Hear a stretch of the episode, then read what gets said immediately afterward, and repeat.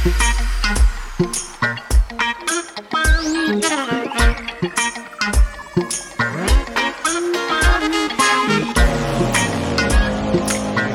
põnev.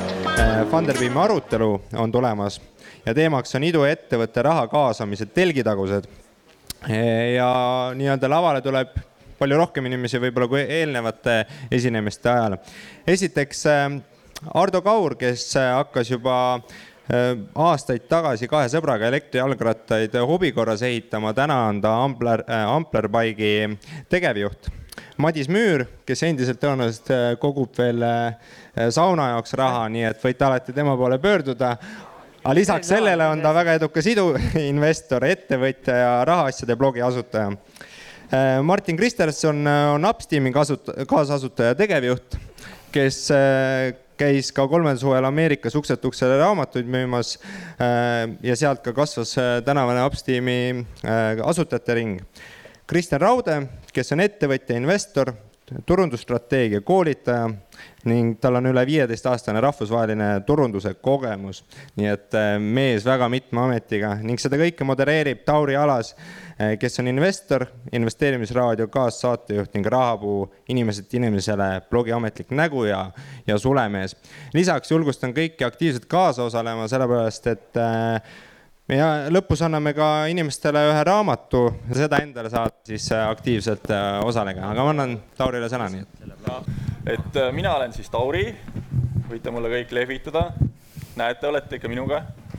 väga hea, väga hea. Kahjuks tehti sissejuhatus juba ära ja ma siin terve hommik harjutasin nüüd seda, et kuidas ma siis selle intro siin teen ja mul oli kõik nagu paika pandud ja siis pauh, alla potti, alla vette läks ehk siis ma selles mõttes hakkan nagu kohe väga lihtsalt pihta, et meil on siin kaks suurepärast ettevõtet. nagu te näete, tooted on välja toodud, üks on sealpool, teine siinpool. juhtinvestorid sealjuures istuvad kõrval neil. Neid tutvustati, ma tahtsin öelda ka, et näed, meil on siin kahemilline varsti Madis Müür olemas, eks ju, võiks naljad teha, need täiesti selles mõttes ebaõnnestusid nüüd. aga ei ole hullu kas te teate, mis see Ampler ja mis see Upsteam on üldse? et kes on Ampleri investor kunagi olnud üldse?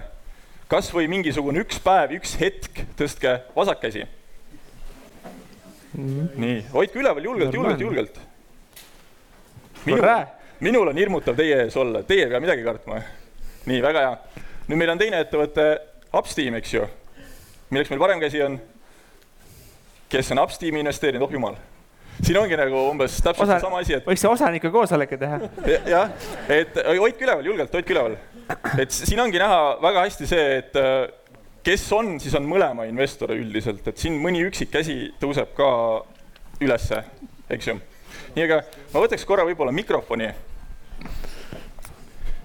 Ja tuleks teie sekka, et äh, nii, teie kas te tõstsite mikrofoni? vabandust, käe. ei, ma ei tõstnud kätt. ei tõstnud kätt, aga miks?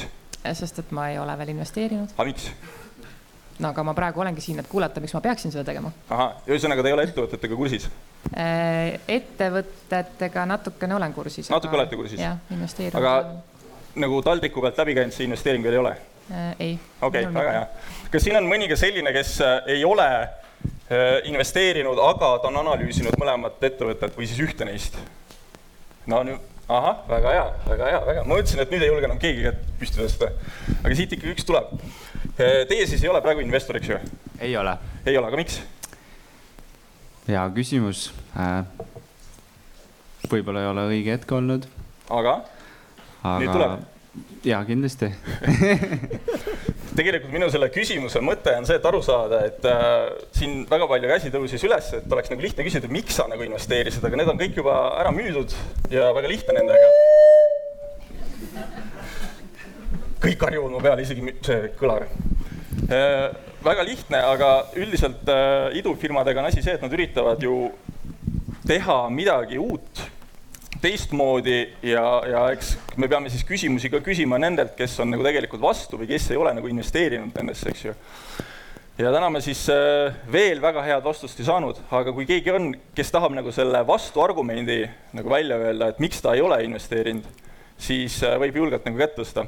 ja kogu selle paneeli ajal, olge head, kui teil on küsimus, siis tõstke käsi, näed, üks käsi juba sealt tõstis, ma annaksin mikrofoni nüüd äh, siit.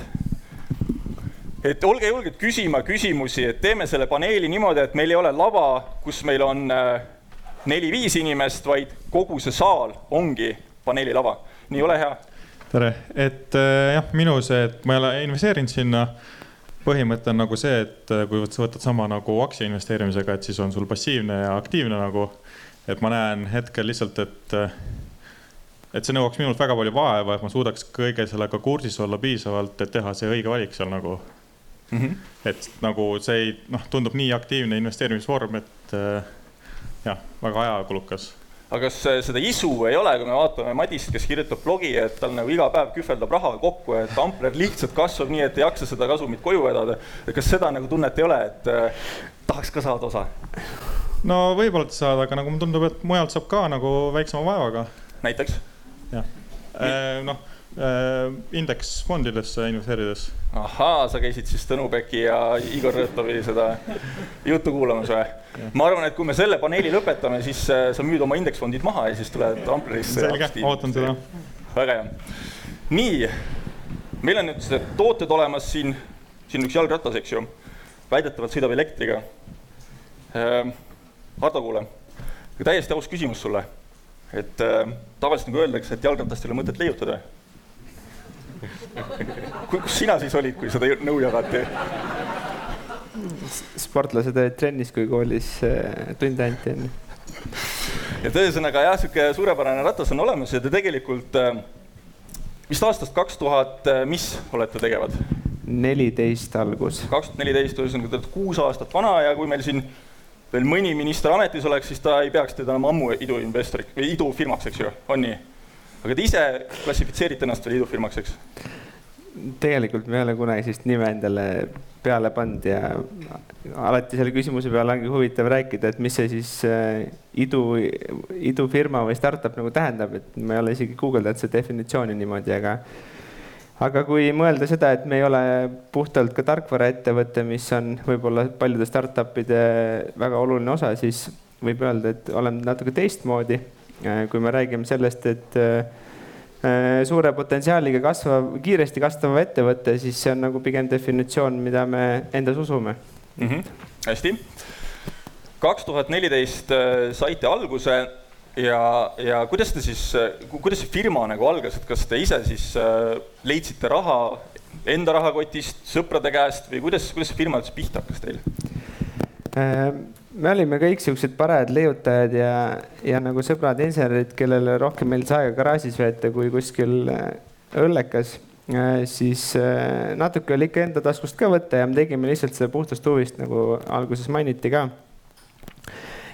kui me saime esimese ratta valmis, siis nagu hakkasid need ahaa nagu momendid käima, et et see on ikka mega võimas ja me nägime neid inimesi seal peal ja et seal on nagu nii palju potentsiaali ja tekkis niisugune tunne, et seda on vaja nagu teha suurelt ja siis äh, pigistasime enda rahakottidest viimast, kulutasime kindlasti ka kogu selle arendusprotsessi, protsessi juures väga vähe raha võrreldes ühe võib-olla standardse ettevõttega, kes võiks hakata uut toodet arendama.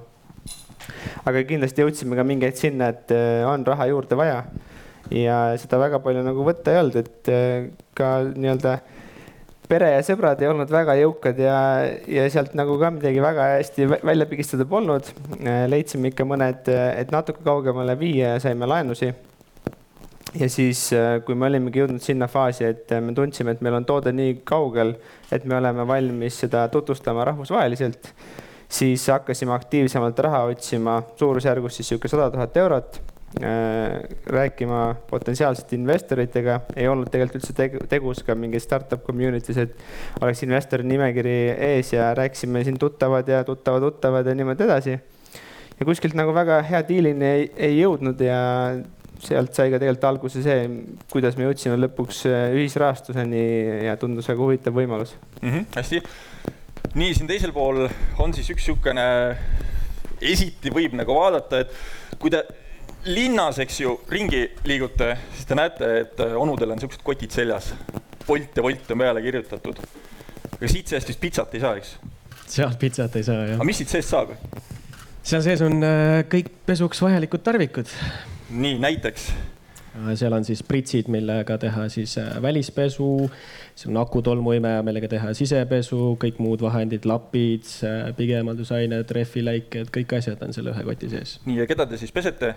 Keda mitte, aga autosid ikka. autosid pesete, jah, hästi. ja see siis läheb äh, sisuliselt äh, jalgratturi selga, ma saan aru, eks ju? see on niisugune portatiivne värk. meil otseselt ei ole vahet, mis transpordiga sõidad, et sa võid bussiga ka minna, kui tahad. aga praegu enamus, kes sellega sõidavad, meil on oma auto. ai, kurb. ma tahtsin praegu kaks ettevõtet ära match ida, aga vist, vist ei õnnestu seda tööd teha. võib match ida iseenesest, aga, aga, aga mis aastast teie alustasite? kaks tuhat seitseteist. kaks tuhat seitseteist, ehk siis te olete töötanud kuskil kolm aastat? just. aga ma saan aru, et sinu ajalugu on tegelikult niisugune, et sa müüsid kunagi Ameerikas raamatuid, eks ju? ja siis tuled Ameerikast ära ja hakkad järsku autos pesema. kust nüüd niisugune muudatus tuli või, või kuidas see idee nüüd alguse sai? No idee ise pärinebki Ameerikast, et, et, et äh, käisin siis South Carolinas Ameerikas raamatuid müümas ukselt uksele ja siis kusagil esimese kuu lõpus äh, koputasin selle ühe emme uksele ja siis kõrvalmaja juures nägin, et niisugune värvikirev kaubik sõitis kõrvale. Hakkas siis seal seda autot pesema, seal küll survepesuriga, seal noh, Ameerikas natuke teised keskkonnanõuded ja, ja siis äh, sel hetkel lihtsalt mõtlesingi, et nagu, et noh, miks nagu kõik autopesu selline ei ole kogu aeg olnud. jah, et äh, käisin siis ärikoolis, õppisin majandust ja ärikorraldust ja siis seal kõik äh, koolitööd, äriplaanid, mis iganes, kõik said sellesama nurga alt tehtud ja algul ta oligi selline kooliprojekt, et noh, vaatame, mis saab. aga siis oligi lõpuks see, et nagu nii palju asju oli läbi mõeldud ja me lõpuks jõudsime selle veel auruni ja nii edasi, et äh, hakkas juba nagu päris selline äripilt tekkima, ainuke asi, mida ei olnud, oli tiim. ja noh sel hetkel, ega mul sihukest nagu tutvusringkonna väga ei olnudki, siis ma vaatasingi, kes seal raamatumüügis kõige ässamad tüübid on ja niimoodi mulle siis Valjo ja Aleksis äh, tiimi tulidki. okei okay., ma kuulasin ühte, kas podcast'i või Youtube'i ülekannet, ma ei tea, täpselt ma ei mäleta, eks ju, kus sa ütlesid siis ka seda, et äh, üks moment oli sul see sisuliselt sama kott oli seljas ja läksid siis autot pesema, siis avastasid, et opa, tegu on Teslaga. kas ma üldse julgen niisugust asja pesema hakata, tõmban juti peale räägi korra sellest loost natuke lähemalt. no see kotilahendus, see on nüüd meil eelmisel suvel välja tulnud, et me täitsa alustasime sellise nagu väga hardware business'ina, kus siis äh, ehitasime kaubikuid, kõik asjad olid seal kaubikute peal ja meil oligi siis sihuke aurumasin, millega me sõitsime ringi ja siis oligi siin publikus on ka see härra olemas meil, kes siis selle pesu tellis ja, ja, ja siis sadama juures läksin pesema seda ja see oli tõesti nagu noh, vaatasid Tesla, eks ole, noh, kujuta ette, kolm aastat tagasi see oli nagu vau auto, eks ole ja. no ta täna me... ka vau auto. no täna on ka, eks ole, aga siis ta oli veel rohkem vau. et noh, minu teada neid oli vist mingi kümme tükki üldse Eesti teedel, eks ole. ja pull oligi see, et noh, me ei olnud tegelikult väga kindlad selles, et kas see pesu on kõige ohutum autodele sel hetkel sest me alles õppisime autot pesema nagu ja.... ma võtaksin korra mikrofoni sinu käest Rain, ma pean sinu juurde tulema, anna andeks, ma tean, et sa kindlasti ei tahaks minuga rääkida, aga, aga ma annan sulle mikrofoni ja ma küsin nüüd, härrasmees tuleb, ta isegi ei olnud kindel, et kas see, kuidas ta peseb autot, et kas see on nagu okei okay ja siis sa annad oma Tesla talle, et mi, mis sina üldse nägid selles Ups tiimis, et oh, mingid ägedad vennad tulevad, aurutavad mu auto üle või? või, või kuidas see käis sinu nägemuse järgi? jaa, esiteks mulle hästi palju kindlust andis see juurde, et mu väike poeg oli selle Tesla juba mitu aastat varem ära kraapinud. nii et ma arvasin, et hullemaks ikka ei saa minna aga, aga jaa, mulle tohutult meeldis see pealehakkamine, uus lahendus, sihuke värske sihuke nagu, nagu, nagu väga-väga teistmoodi suhtumine nii teenindusse, teenusesse endasse, võib-olla see raamatumüügi taust oli ka abiks, et, et mul endal on ka see taust no, ammu kunagi olnud. ja väga hakkasid, hakkasid härrad meeldima ja siis auto sai ka puhtaks ja, ja siis peale seda tekkis mõte, et, et kuulge, et need, et, et, et neil kuttidel võiks olla suur tulevik, et äkki, äkki saaks neid veel mingil moel aidata ja äkki on, on võimalik või äkki neil on huvi ehitada sellest mingi selline rahvusvaheline äh, äge startup firma. ahhaa, läksite investoriks ühesõnaga? nii läks, jah no vaadake nüüd, et asi hakkas pihta puhtalt sellest, et äh, mehed, kes ei julgenud isegi autot pesema minna, sest nad ei teadnud, mis see kvaliteet võib olla, eks ju ühel hetkel siis äh, sa- leidsid investori, et äh, see on ka taaskord see idufirmalik äh, lähenemine, mõtlemine, et mõtleme kastist välja ja küll me hakkama saame, eks ju. väga suurepärane. nii, aga ühel hetkel mõlemad firmad ikkagi te jõudsite ühisrahastusse. Ampler kaks tuhat viisteist Fundwise'is, tol hetkel niisugust kontseptsiooni väga vist ei olnud nagu juhtinvestor Eestis. on nii, eks? Fundwise'is ei ole juhtinvestoreid, eks? vot ja, ja läksite edasi Fundwise'ist, siis äh, Amprel läks Funderbeami ja Upsteam otse Fund, Funderbeami. tuli juhtinvestor, kelleks meil on siis, kusjuures panete tähele, et äh, ma nagu mõtlesin niimoodi, et nad istuvad niimoodi, et äh, juhtinvestor ja firma esindaja istuvad nagu ühe pingi peal, aga meil on kuidagi niimoodi saanud, et juhtinvestorid on ühel pool ja teisel pool on siis nagu firma esindajad, et väga niisugune kuidagi teistsugune arvamus oli mul sellest asjast, et mm. võib-olla siis äh, ongi see, et juhtinvestorite käest peab küsima, et miks te siis istute oma, oma firmadest nagu eemal. et äh, kas te olete tülli läinud juba? me oleme oma firmadel hästi lähedal, alati on südamelähedased väga hea. nii, tuli see juhtinvestori kontseptsioon, eks ju. see võib-olla minule tundub, et on Ameerikas rohkem nagu levinud ja seal ta on natukene teistsugune võib-olla kui Eestis parandage mind, kui ma nüüd eksin, sest ma ei ole riskikapitalist, ma ei ole mida, mitte midagi niisugust põnevat, ma olen niisugune tavaline Tauri Saaremaalt, kes juhtumisi lihtsalt investeeringutega on natukene rohkem üritanud tegeleda oma ust-huvist, on ju. aga minu kontseptsioon, arusaam sellest asjast on selline, et äh, USA-s oletame, et äh, Upsteam, Ampere läheksid raha kaasama, miljon dollarit on vaja saada, siis äh, tuleb mingi firma, vaatab, et okei okay,, vägev värk, ma oleks nõus panema sinna raha, aga mul üle viiesaja tuhande nagu ei ole nagu mõistlik panna sinna. nüüd on puudu teine viissada tuhat, kust see saada? ja siis seesama firma otsib äh, nii-öelda liitlasi, kes siis kaasa tulevad, ülejäänud viissada tuhat täis panevad, aga kogu see asjaajamine käib nüüd siis selle juhtinvestori ja firma vahelt niimoodi, et teised lihtsalt jooksevad sisuliselt kaasa ja juhtinvestor teenib ka mingit tasu selle pealt, et kas ma olen praegu valesti asjast aru saanud? jah tundub õige. tundub õige, aa okei okay., ma mõtlesin, et noogutavad, et valesti aru saanud aga Eestis noh, Madis, äh, Ampler kaasas viimati kaks pool miljonit eurot, panid siis üks koma kakskümmend viis või?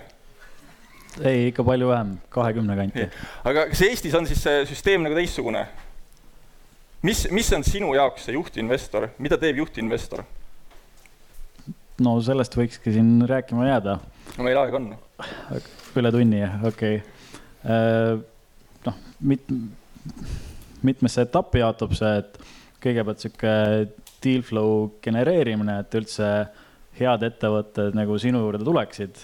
et noh, varases staadiumis on juba Eestis täitsa palju konkurentsi investeeringute jaoks, et nii fondid kui superfounder'id kui noh, Funderbeam, võib-olla mõned vanamajanduse ettevõtjad on ju, et noh, et need head investeeringud üldse endani tuleksid ja jah, saaks neid ka Funderbeami näiteks tuua et muidu võib-olla fondid ja superfounder'id võtavad parimad endale. ma sain aru, et äh, Ampler näiteks ise tuli, et äh, mujalt nagu väga vist ei saanud kapitali, et äh, laenud võtsite ära nii palju sõpradelt, kui vähegi sai. kuidas pankadega lood muidu olid? ei, pangad meid ei ole tervitanud, aga võib-olla ma tegelikult veidi räägiksin üle seda Fundwise'i lugu, et see et me kuskilt nagu raha ei olnud võtta ja see oli nagu pooleldi tõsi, aga tegelikult mind isiklikult hästi võõrastas see mõte, kuidas me istusime kogu aeg potentsiaalse investoriga nagu vastal pool lauda ja see tunduski nagu nii, et me nagu oleme üksteise vastased, et see Fundwise'i projekt või see projekt ühisrahastusest just meeldis selle koha pealt kõige rohkem, et et me teeme selle projekti, me räägime, kes me oleme, mis me teeme ja me teeme enda pakkumise nii-öelda investoritele valmis. Ja siis äh, kogu see nagu kahel pool lauda istumine nagu jääb ära, et meil on nagu nii-öelda ettevõte paneb tingimused paika ja seda valideerib siis turg, kas need on õiglased või mitte, et seal jäi selline suur vaidlemine ära, et see kindlasti oli nagu see koht, kus meil läks Fundraise'is hästi. Äh, Madis seal, kui seal juhtinvestorit küll ei olnud, aga hakkas seda projekti kuidagi ise algatuslikult vedama seal ja meil läks see kampaania edukalt, saime raha, raha kätte, saime oma tegevusi edukalt jätkata, et just siis see oli nagu see edukas kogemus ettevõtte jaoks, et see kontroll oli oluliselt rohkem meie käes. et millal me tõstame raha, kui palju me tõstame raha, mis tingimustel me tõstame raha jäi ainult see küsimus, et kas investorid on meie pakkumisega nagu nõus mm. -hmm. Madis, sinu juurde tulla tagasi nüüd, et äh, kui nüüd Ampler läks äh, Funderbeami oma esimest raundi kaasama, eks ju, et siis sina olid seal laua taga juba istumas, on nii? sa olid ka esimeses raundis äh, juhtinvestoriks? Funderbeamis. esimeses Funderbeami ehk te, nende teises raundis siis jah?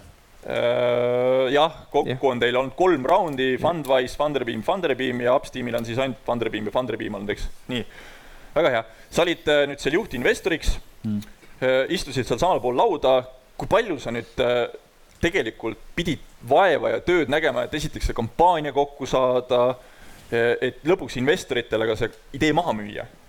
mäletad sa sellest midagi enam? ikka, et äh, jah äh,, leppisime evaluatsiooni kokku, et äh, ja tingimused äh,, nagu Ardo enne ütles, et tema on ettevõtjana võib-olla investoritest teisel pool lauda, siis mina nagu investorina olen pigem samal pool lauda investoritega, et mul on nagu palju lihtsam enda track record'i ja tutvusringkonna pealt investoreid kaasa kutsuda. et oli nagu enda valdkonnast küllaltki palju, küllaltki lai tutvusringkond inimesi, kellel nagu raha jäi üle ja olid huvitatud seda kuhugi paigutama ja siis sai jah, investoreid kaasa kutsutud ja jah, väga, väga keeruline ei olnudki tookord mm. -hmm. Kristjan, palju õnne sünnipäevaks sulle, sul on täna sünnipäev. aitäh. et said äh, mõnusalt tulla siis meiega aega veetma siia vihmasesse äh, Kallaste tallu. sina oled nüüd äh, Upsteami juhtinvestor koos Madisega. Te olete nüüd äh, vähemalt teises voorus, ma tean, te olete koos. Aga kes esimene voor teil oli juhtinvestor? Madis. et ühesõnaga, Madis, kas sa oled siis ära lükanud enda pealt või siis Kristjan tuli ja ütles, et kuule, ma tahan ka või kuidas nüüd sinu lugu on, kuidas sa said Upsteamiga esiteks tuttavaks ja, ja miks sa siis otsustasid, et jah, ma tahan nüüd olla juhtinvestor? tea, Upsteami valjot ma teadsin juba varemalt ja, ja siis äh, teenust neil olin ka kasutanud, tundus nagu väga mugav ja uus põnev teenus. Down to earth, nagu öeldakse, kahe jalaga maa peal, mitte mingisugune selline asi, mida sa väga katsuda ei saa. ja, ja siis nad saatsid vist mingi uudiskirja, et kuulge, et äh, märkige oma indikatsioonid, me varsti hakkame tõstma siin oma klientidele, et äkki olete huvitatud ja ma sain ka selle uudiskirja, siis märkisin ja siis kuidagi nii läks. et esimeses raundis tegelikult äh, oli tagantjärgi vaadates isegi liiga suur tiket, mis ma panin. Aga, aga läks, läks selles suhtes nagu hästi ja, ja siiamaale läheb hästi, et ähm, et teises raundis võtta see juhtinvestori roll, see oli mingil määral nagu asjade loomulik äh, kulg, kuna ma olin juba alates esimesest raundist tegelikult nendega päris tihedalt äh, nii-öelda seotud äh, telefonid, meilid ja, ja muud kohtumised mm. -hmm ma vahepeal nüüd korra pöördun publiku poole ja kas teil on küsimusi tekkinud ah,? mul on publikule üks see motivatsioon ka küsimustega. mul on üks lugu teile rääkida selle down to earth'i või, või toodetest. et vaadake, kui see on, see on selline õppetund, on ju, nüüd kui, kui me investeeringuid teeme, siis ei tasu nagu vaadata väga palju sinna kaugesse tulevikku ja kosmosesse, eks ole. et mõnikord on hea investeerida ka asjadesse, mida sa saad katsuda ja mida sa saad nagu näha igapäevaasjadesse ma eile sõitsin äh, oma kalli naisega siia. kellel on läinud autokumm katki? ikka käsi tõuseb. vot minul pole seda olnud vist viimased, ma ei tea, kümme-viisteist aastat küll. ikka nagu siis pani kukalt kratsima küll, et nagu mis nüüd saab. sest et autodel ju tänapäeval enam varurehve ei ole seal pagasnikus on ju, oli mingi vedelik, selle ma üritasin sisse saada, aga noh, see ju ei pea. ja, ja, ja ma ostsin, ma ostsin Urmase käest, siin Krooningu kõrval on üks söögikoht, toidu, ei, mis iganes selle koha nimi on. ma ostsin Urmaseks, tegin talle kassat, sest et Urmas oli niivõrd kõva vend, tuli siia, ütles, et kuule, et abi on vaja või ma ütlesin, et jah, on küll, kumm on katki. siis ta võttis auto, aitas mul selle kummi ära võtta, läksime koos tema poja juurde kuskile viis kilomeetrit eemale, eemale, vahetasime kummi ilusti ära, tulime tagasi ja tänutäheks ma tegin talle suure kassa nii et, et mis ma öelda tahan, et, et tasub vaadata neid asju, mida sa investeerid, mida tegelikult inimestel igapäevaselt ka päriselt vaja läheb, mõnikord. ja need kaks asja minu meelest on nagu sellised asjad, mis lähevad järgmise kümne, kahekümne, kolmekümne aasta jooksul kindlasti inimestel vaja. ja motivatsiooniks vaata küsimustele, Tauri, siis näed, ma ei saa neid kotist välja võtta, sest et nende investor ma ei ole, et ma nendele reklaami teha ei saa. aga näed, siis sa saad hakata jagama neile. natukene häbi on, aga mis sa teed, eks ju et äh, ma siis remargi korras ütlen, et ma olen ise tankerinvestor, et siin sees küll tanker ei ole. nii, aga kus meil see mikrofon oli, meil oli küsimusi, julgelt küsige, ahah, näed, kohe hakkasid käed tõusma, kohe hakkasid käed tõusma, väga hea, väga hea. võtame siit äh, tütarlapse peaaegu eest reast. tere, aitäh selline küsimus, et idufirma peab olema midagi, mis annab mitukümmend protsendi kasvu või võib-olla mitusada protsendi kasvu, see peab olema mingi tehnoloogiline lahendus ja see peab olema midagi, mis saab kopeerida teistesse riikidesse. et teie projektide puhul, kust see kasv tuleb, et kuidas te seda edaspidi kopeerida, skaleerite? nii, aga võtame siis ampleri ette, et kus te siis kasvate selles mõttes ma olen täiesti nõus, et jalgrattaid kopeerida on palju raskem kui koodiridasi. Äh, aga ka meie puhul me näeme selle nimel kurja vaeva, me oleme nüüd aastate algusest äh, suutnud iga aasta teha rohkem kui kaks korda jalgrattaid kui, kui eelmisel aastal. sellel aastal jõuame kuskil kuue tuhande ühikuni ja on selge siht seda tempot hoida ja on võimalik täiesti mõistliku ajaga jõuda päris, päris nagu arvestat-, arvestatavate numbriteni ja, ja ma arvan, et äh, siit võib-olla väiksest Eestist ongi seda huvitav kaasa võtta, et tegelikult maailm on suur ja, ja nagu kui sul on, kui sul on toode, millele potentsiaalselt on kasvõi sajast inimesest üks huviline, siis tegelikult neid huvilisi maailma peale kokku on päris palju. et hea nagu näide, mis toob talle selle elektrijalgratta maailma veidi rohkem käte peale, on, et möödunud aastal müüdi Saksamaal ligi poolteist miljonit elektrijalgratast, et see on rohkem kui Eestis on elanikke, et äh, siis sinna turule poetada neid tuhandetes, kui mitte kümnetes kui ka sajades tuhandetes on täiesti võimalik. väga hea. Ja Martin ei äh,, igal juhul ei häbene tunnistada, et ega see autopesu asi ei, ei ole või no on väga lihtsasti kopeeritav, et noh, tegelikult olgem ausad, võta mingi seljakott on ju, viska sinna mingid ained sisse ja käi, hakka kasvõi homme selle äriga pihta äh,. küll aga, mis meid nagu eristab ja mida mina pean isiklikult meie konkurentsi eeliseks, on, on see, et me lihtsalt teeme seda tunduvalt paremini kui meie olemasolevad konkurendid ja tunduvalt paremini on siis nagu see, et ühelt poolt, kuidas me seda toodet kliendile presenteerime, eks ole, et me oleme väga äh, klienditeenindusele orienteeritud ettevõte, meil on kvaliteedigarantiid ja mida iganes, et noh teeme kõike selleks, et klient oleks, saaks alati selle teenuse, mida ta ootab, eks ole.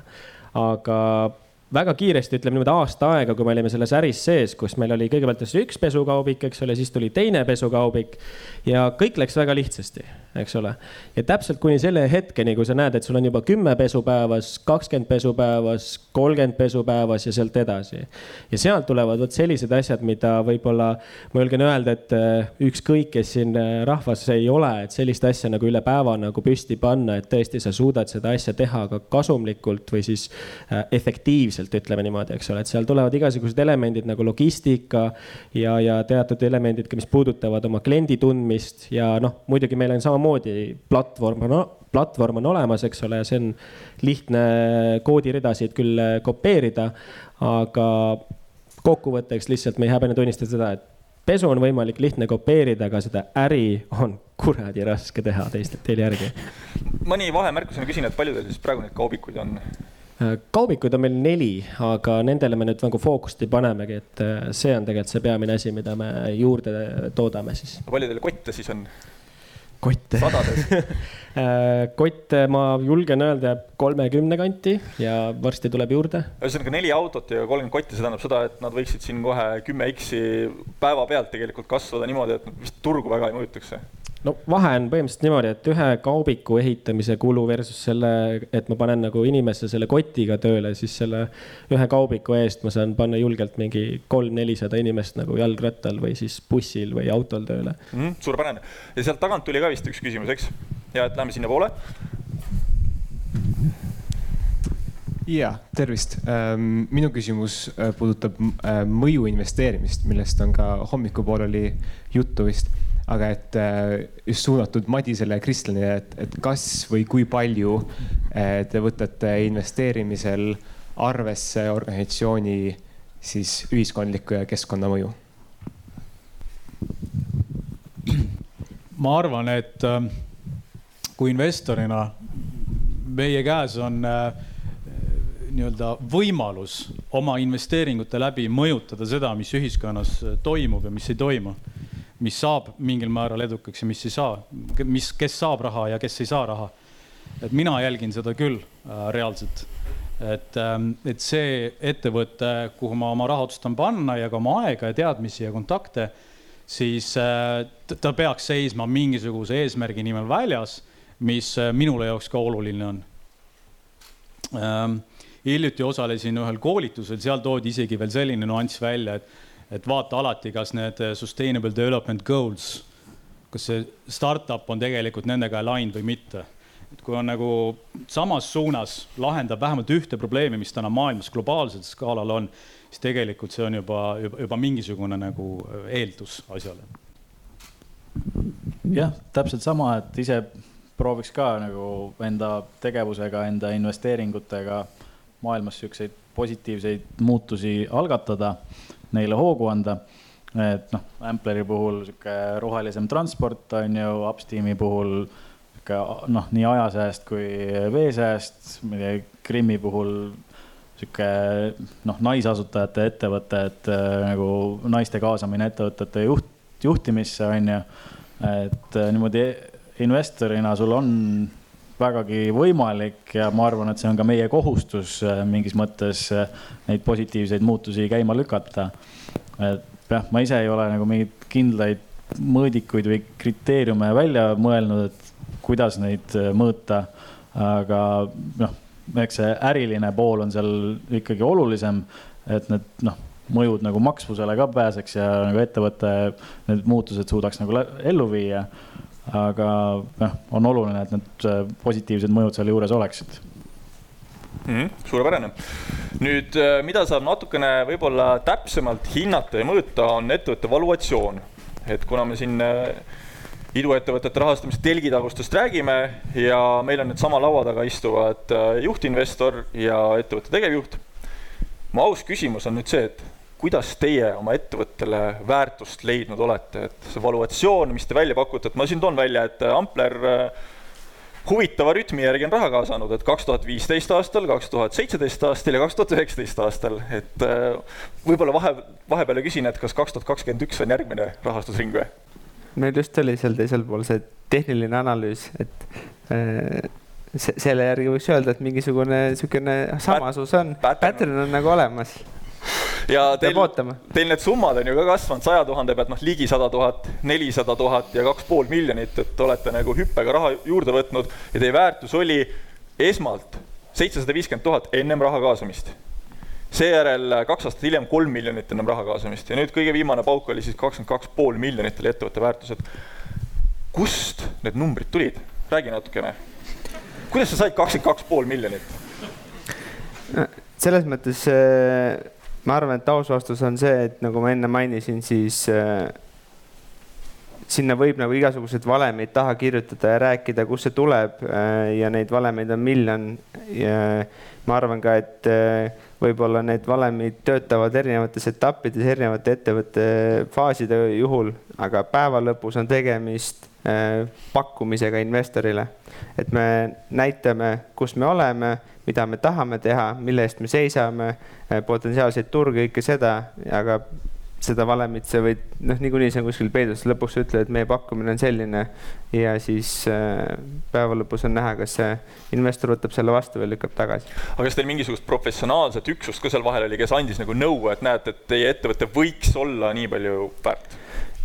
Jah, kas nüüd just nii professionaalselt, aga meil alates juba pärast juba esimest raundi meil oli ligi sada inimest osanike ringis, kelle käest põhimõtteliselt nõu küsida ja kindlasti pidasimegi Madisiga neid, neid arutelusid ja enne viimast raundi rohkem ka tegelikult veel teiste investoritega ja et see mingisugune tunnetus tekkis ikka. ja see, võtsime seda arvesse mm,. Madis, kuule, kui sa nüüd nägid seda kakskümmend kaks pool miljonit pre-money on ju, kas sa kukkusid siis istuli ka või, või? kukkus tingima kohe äh,. ülespoole? ei, esimesed numbrid olid ikka kõrgemad. no palju oli, viiskümmend miljonit? mitte nii palju, aga seal kolmekümne kandis, et Nii. äh, sai allapoole. ühesõnaga, sa tõid allapoole hoopis investorite jaoks valuatsiooni ikka. no vaadake, siin on suurepärane juhtinvestor, kes tegi investorite jaoks ka tööd, mitte ainult firma jaoks. nii et äh, kauplesid siis kõvasti. Kuidas oli Upsteamiga, et ma siin äh, loen teie numbrid ka ette, et äh, teil on ka mingi imelik rütm, et kaks tuhat kaheksateist, kaks tuhat kakskümmend ja ilmselt siis kaks tuhat kakskümmend kaks vist võiks loota järgmist raundi. aga te võtsite esimene kord sisse kakssada kaheksakümmend tuhat eurot äh, kahe koma seitsmekümne viiese pre-money valuation'i pealt ja nüüd viimane laks vist oli üks miljon ja teie väärtus oli kolmteist miljonit, kas mul on õige mm? -hmm, just. et no see on ka ikkagi kahe aastaga päris märkimisväärne kasv, et kas teie siis kasutasite mingisugust professionaalset abi, et see number välja saada või kust see number tuli teil, see kolmteist miljonit?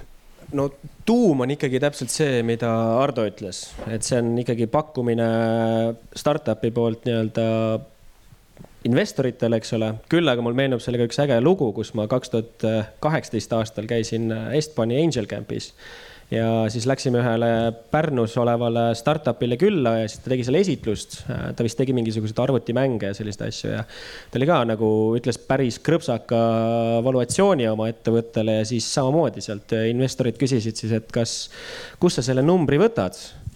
ja ta pani näpu suhu, tõstis ülesse ja ütles sealt, kus tuuled puhuvad.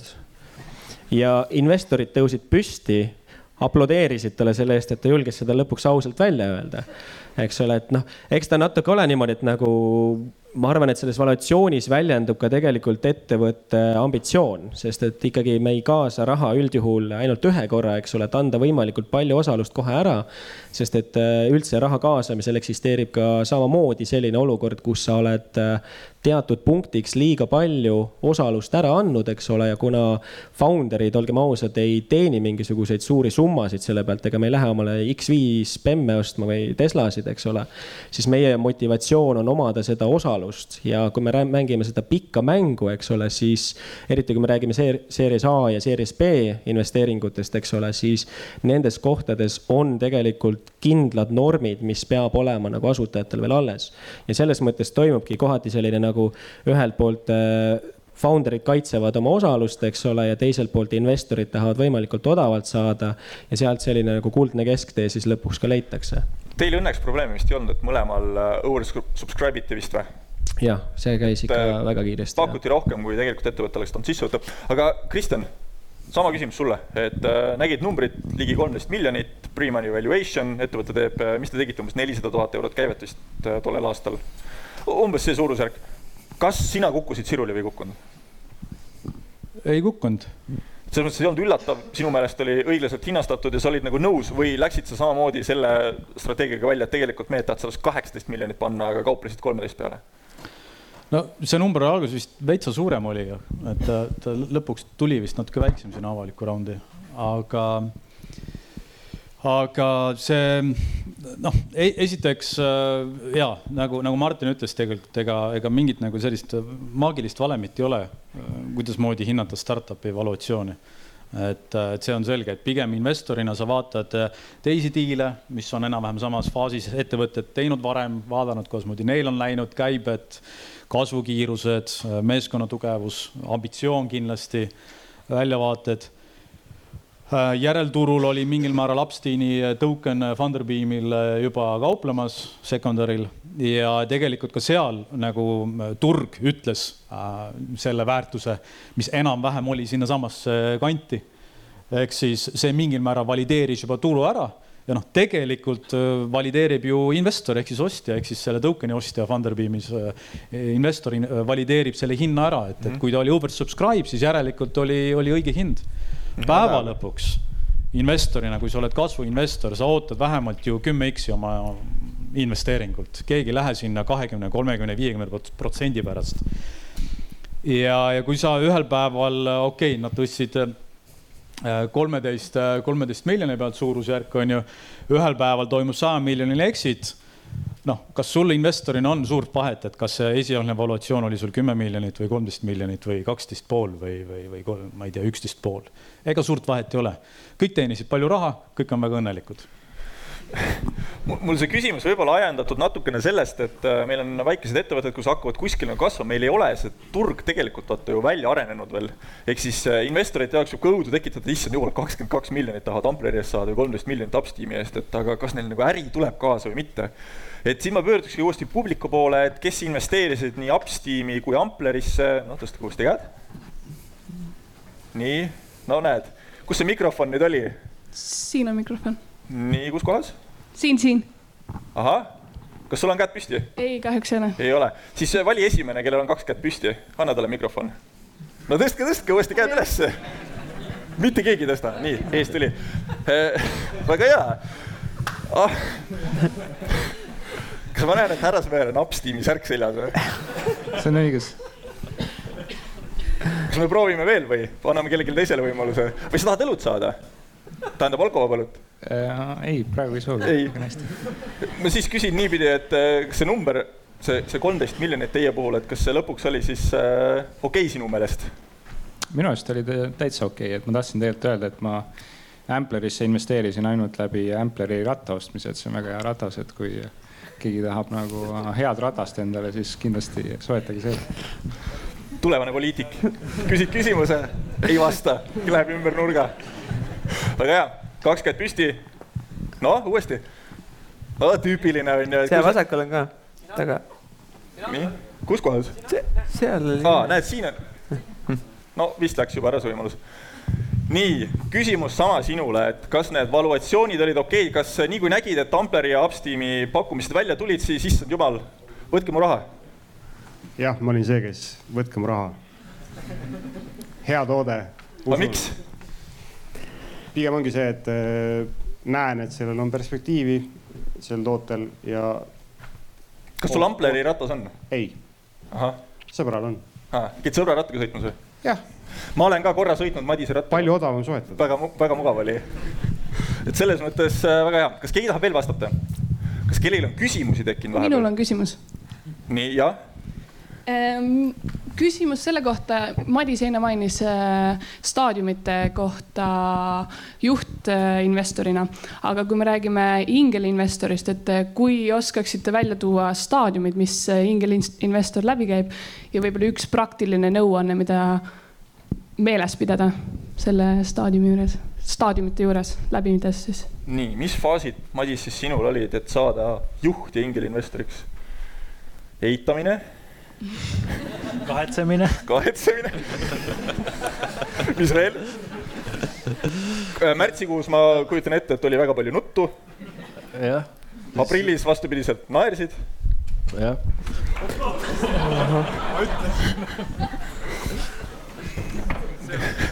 see küsimus oli nii võimas, et kutt pidi lavalt maha kukkuma. tuleb kuidagi ellu jääda, jah. šokk on nii suur, et vajus lihtsalt diivani sisse, aga Madis, palun jätka.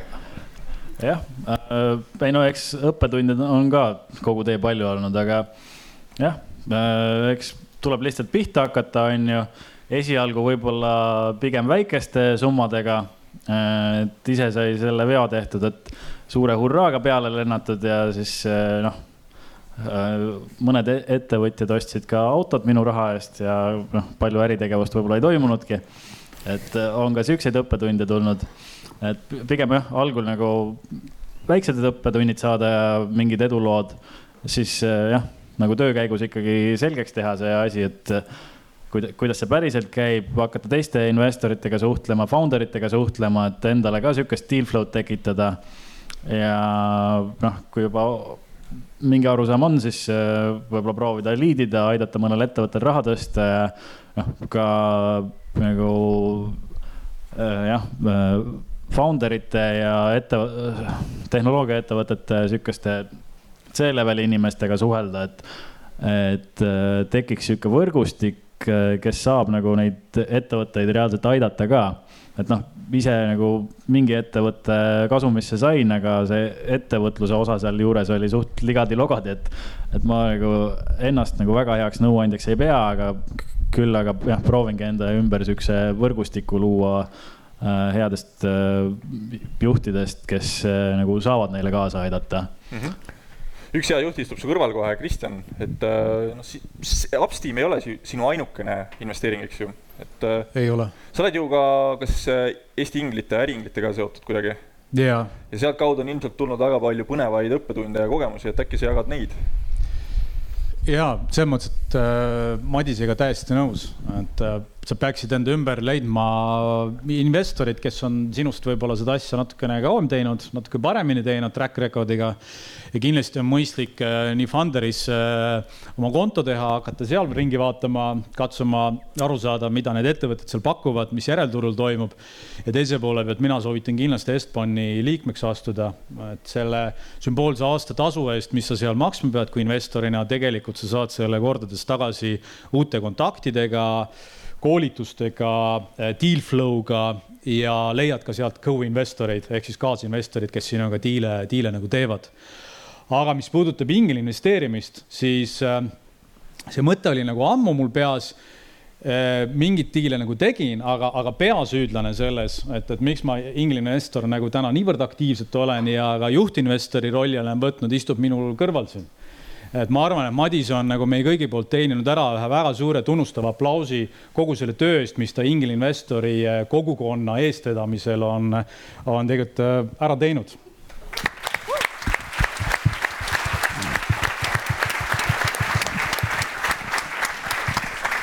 nii, väga suurepärane äh,. aitäh. tütarlaps võib tulla siia koti juurde ja noormees sealt eest ka siis samamoodi võib siia koti juurde tulla kas kellelgi on veel küsimusi? oo, näed, siit juba lehvitame. see koti idee töötab väga hästi, ma panen tähele, et kohe hakkasid käed tulema. ma vaatasin, et siin raamatuid ei jagata, siis jagame koti seest midagi salaja. nii. kohe kuuleme midagi väga põnevat. loodetavasti vastusena küsimusele. nii äh, kuulsime näidet, et äh, üks äh, asutaja küsis nii palju ja noh, investor arvas, et natukene vähem anname, kogume teisel sama lugu. kui tihti seda juhtub, et äh, on vastupidi, äh, asutaja küsib mingi numma, summa ja investor vaatab, et kuulge, me hindame hoopis kõrgemaks ma arvan, et see on küsimus vist Madisele, kes on väga palju ja Kristjanile, kes on väga palju kokku puutunud, et äh, emb-kumb? Endal seda ei ole veel ette tulnud, et peaks, peaks nagu tõstma. okei okay., Kristjan, sul? Kui aus olla, siis täna ma ühte diili vaatan äh, due deal'i raames, kus mõtlen, et äkki peaks natuke juurde panema. sest et kui vaadata nagu pikemat runway'd raha tõstmise nagu kontekstis, mitu raundi sa tahad teha, nagu enne me siin rääkisime, siis tegelikult, kui sa liiga madala valutatsiooni pealt lähed tõstma, siis sa võid nagu selle selle ilusa cap table'i ära rikkuda niimoodi, et ühel päeval sul suuremad invest-, investorid VC-de raames ja suuremate VC-de raames lihtsalt ei ole huvitatud sinust, sest et äh, asutajatel jääb liiga vähe aktsiaid alles, osakuid alles ja, ja sealt äh, tuleneb, mida iga, äh, tuleneb paratamatult see, et, et ka motivatsiooni jääb liiga vähe alles neile.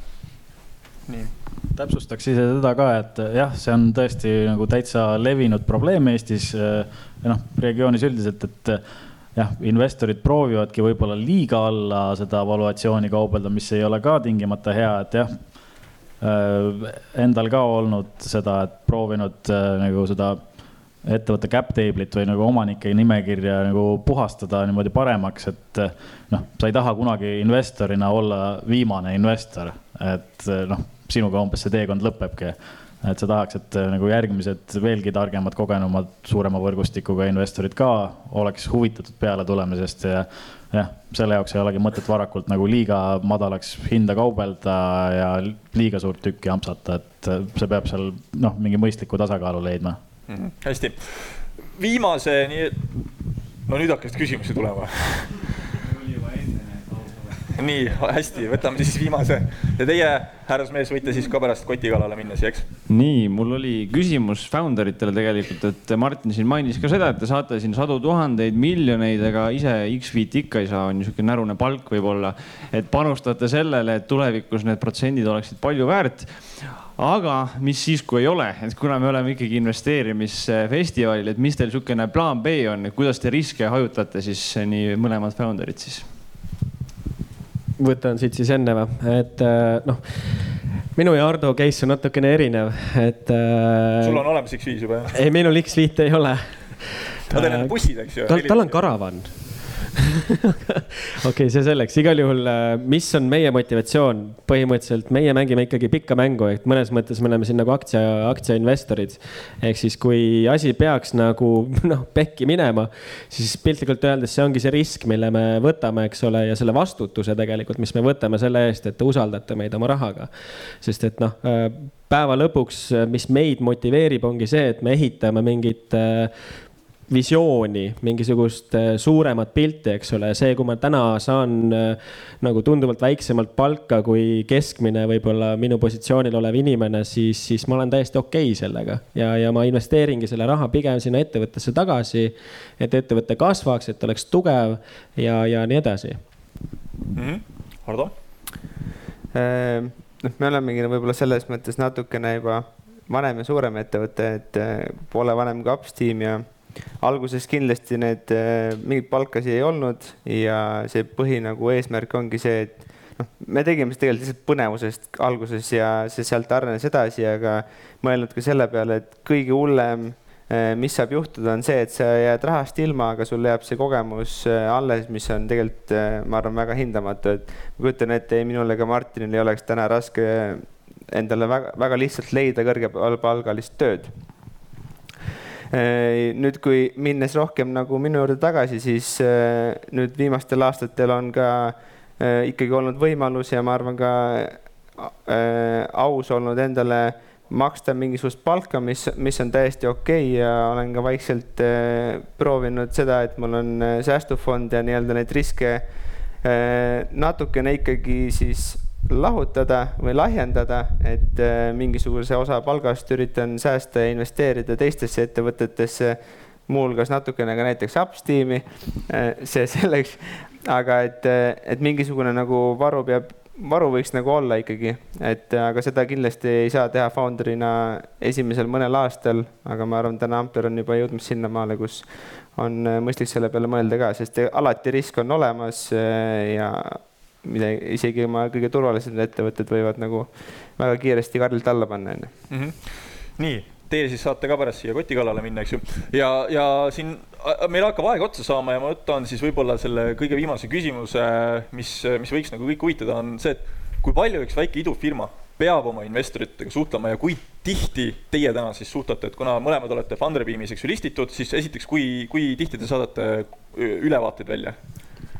Ardo jah, me, nagu sa alguses mainisid, me tegelikult oleme vii, viis aastat varsti olnud nüüd ühisrahastusplatvormidel ja kunagi sai seal lubatud äh, see, et me hoiame investoreid äh, käekäiguga kursis ja oleme seda ka, ka tublisti üritanud täita ja ma arvan, see on olnud ka niisugune pikk töö, mis on tulnud nagu, toonud tulemusi sellega, et meil on olnud iga järgmine raund raha lihtsam tõsta, sellepärast et meil on olemas investorite ring, kes on asjaga hästi kursis, meil on õnneks läinud ka hästi ja tulemused on olnud head. Ja see on nagu selline pikk, pikaajaline maratonijooks, mis on ära tasunud, et äh, tänase päevani Ampler teeb igakuiselt äh, ülevaate äh, Funderbeam platvormile, mis on siis üheaegselt kõikidele investoritele ligipääsetav, et me küll ei ole seal Äh, kindlasti nii analüütilised numbrites nagu üks börsiraport võiks olla, aga see on äh, piisav, et äh, kõik Ampleri osanikel on võimalus lugeda, et mida me teeme, palju ratta me müüme ja mis on nagu huvitavamalt toimumas, et ma arvan, et see tasub ära mm. -hmm. hästi, Martin? mina ütleks, et kuna startup'i kõige väärtuslikum valuuta ei ole isegi mitte raha, vaid on aeg, siis meie oleme otsustanud teha seda kvartaalselt, aga seejuures me keskendume hästi tugevalt selle äh, raporteerimise kvaliteedile, et kui me raportid välja laseme, siis need on ikka väga võimsad ja väga palju infot on seal korraga koos ja olen täpselt sama seisukohal, et, et, et investorid peavad teadma, mis ettevõttes toimub ja, ja, ja me näeme selle kallal ikka väga kurja vaeva, et, et, et oleks see selline selge ja läbipaistev olukord, et isegi kui siin vahepeal nüüd see koroona tuli, siis minu arust sina, sinust inspireerituna tegelikult sai ka väga äh, läbipaistvalt väljendatud, kuidas, kuidas siis see koroona ettevõtet mõjutab, eks ole. ja, ja, ja mis puudutab veel nagu investoritega suhtlu-, suhtlemist, siis ma võib-olla tookski välja välja siin ka lead investorid või juhtinvestorid, kes siis äh, tegelikult ongi nagu mõnes mõttes sihuke nagu see liim seal vahepeal, eks ole, ja, ja mis minu arust ka tegelikult õigustab nagu lead investorite neid pisikesi boonuseid, mis nad sealt saavad, ongi just see, et äh, nad teevad tegelikult nii palju rohkem tööd, eks ole, et äh, teiselt poolt meie ka ootame investoritelt mingit äh, abi, eks ole, et noh, kui sa paned oma raha sisse, siis kindlasti on sellel rahal palju rohkem väärtust ja kasvupotentsiaali, kui sa saad ka mingisugust isiklikku abi pakkuda, kas siis mingi ideede näol, kontaktide näol või mis iganes, eks ole, ja need kaks härrasmeest siin minu arust rokivad seda väga-väga-väga võimsalt mm. -hmm. ma võib-olla tahaks isegi lisada lühidalt selle, et see äh, nii-öelda proaktiivne suhtlus äh, päeva lõpust loob ka olukorra, kui inim-, investorid on teadlikud, siis nad ei küsi, et äh, Amperil on täna, ma arvan, selle osanike ring juba kuskil tuhande viiesaja inimese juures, et kui me paneksime pea nagu maa alla ja endast ei räägiks ise, siis meil oleks tuhat viissada emaili kuskil boksi, et seal on palju hullem, et see tasub. suurepärane ühe, ühe mõttekäigu veel võib-olla lisan, kui meil aega on.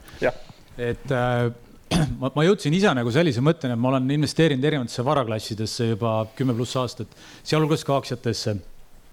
miks ma aktsiad vahetasin tegelikult iduettevõtete vastu välja, on äh, puhtalt informatsioon et kui ma investeerin aktsiatesse läbi avalike börside, läbi avalike turgude, siis mul ei ole mitte mingisugust nagu eelist teiste investorite ees mis puudutab seda, et ma, ma loen neid raporteid, ma loen uudiseid ja ongi kõik, robotid on niikuinii minust kiiremad, treidivad juba nagu need nii-öelda jutumärkides paremad diilid ära. ja, ja minu tees on lihtsalt selline, et, et miks ma valisin äh, idu ja vahetasin nad aktsiate vastu välja. puhtalt sellepärast ongi, et äh, ma saan ju e investeerides eelkõige Eesti startup idesse ja siin lähikonna startup idesse, ma saan iga kell kirjutada Äh, tiimile, management'ile uurida, kuidas läheb, äh, sest et juhtinvestori need õigused on mul olemas ja see mingil määral annab oluliselt parema infovoo kätte, mis tegelikult aitab teha paremaid investeerimisotsuseid ka pikemas perspektiivis mm. -hmm. head investeerimisfestivali külastajad, Ardo, Martin, Kristjan, Madis, suur aplaus neile